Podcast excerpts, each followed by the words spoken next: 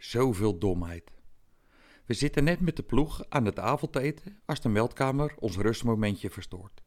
In een vijver aan de andere kant van het dorp zou iemand proberen een einde aan zijn leven te maken.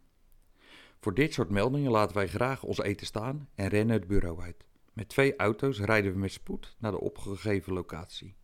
Ik zit achter het stuur van een van de politiewagens en manoeuvreer behendig door het verkeer. Nog een paar straten en dan zijn we er.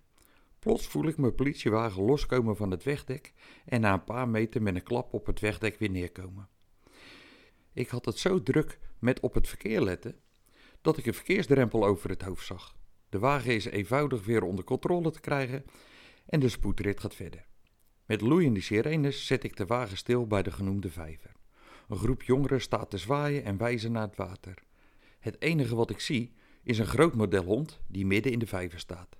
Waar is die persoon die zelfmoord probeert te plegen? vraag ik gehaast aan de jongeren. Het is geen persoon, het is die hond, meneer. Als ik nog eens naar de hond kijk, zie ik dat hij iedere keer zijn kop onder water steekt. Kijk, nu doet hij het weer, roept een jongen met roze haar.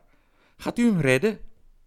Ik kook van binnen. Hoe haal je het in je hoofd om hier 112 voor te bellen en mijn collega's en mij zoveel risico te laten nemen om te plaatsen te komen?